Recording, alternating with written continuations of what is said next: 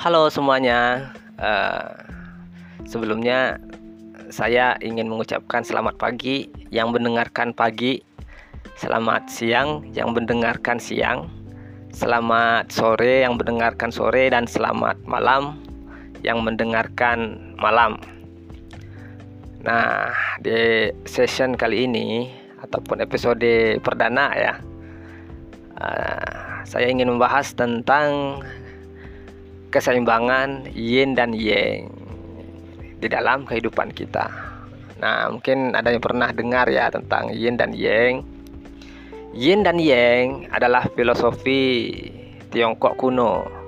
Dengan lambang hitam dan putih membagi suatu lingkaran sama rata, serta adanya titik hitam dalam bagian putih dan titik putih di dalam bagian hitam, memperkuat uh, rasa kesamarataan.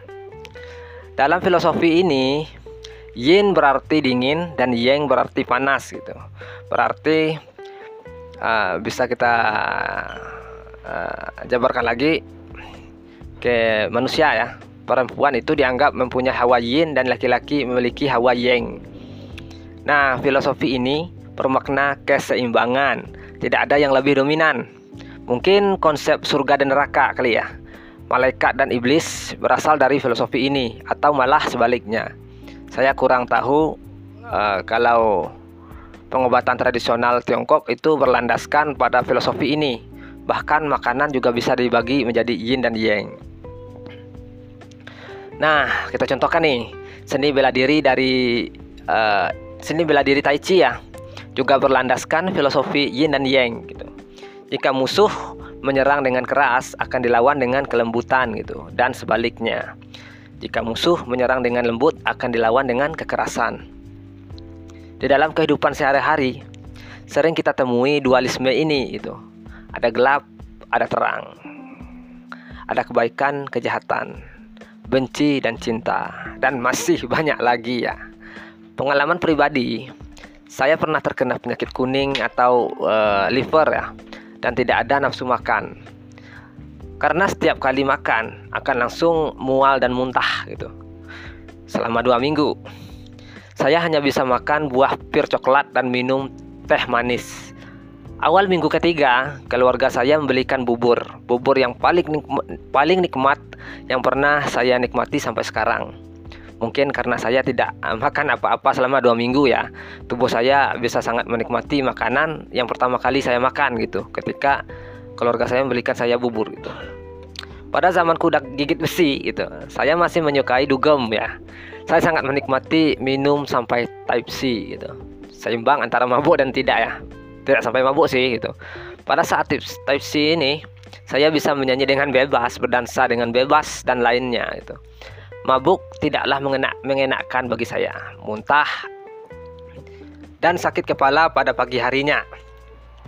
Terkadang saya bertanya di dalam hati saya ya, apakah anak-anak yang dilahirkan kaya raya bisa merasakan kenikmatan kekayaan itu gitu?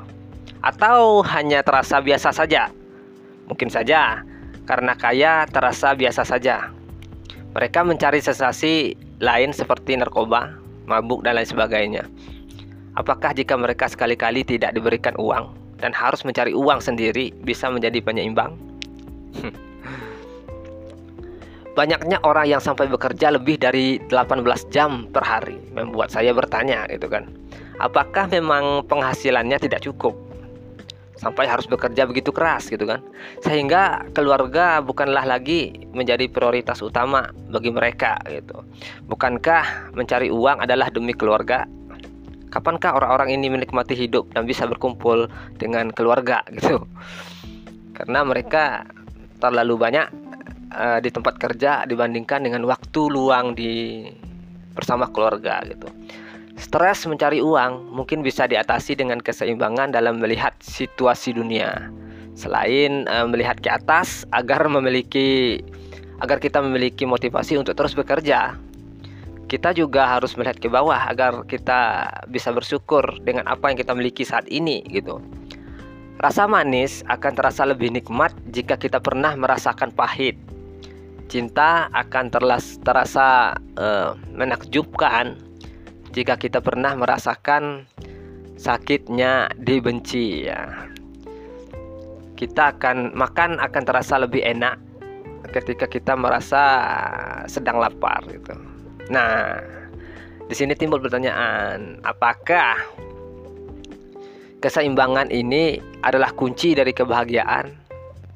Tentu dong gitu kan. Karena keseimbangan dalam hidup kita ini itu tentu kita harus seimbang gitu sebagaimana kata pepatah ya mengatakan life is balance gitu hidup adalah keseimbangan life is choice gitu kan hidup adalah pilihan.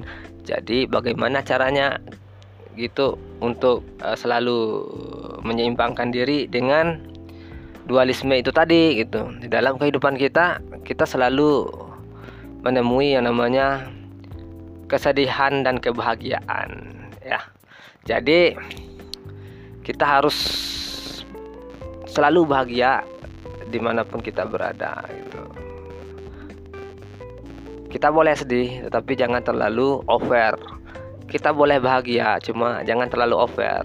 Jadi ketika kita mendapatkan uh, suka duka kenikmatan maka kita jangan terlalu bahagia gitu ya.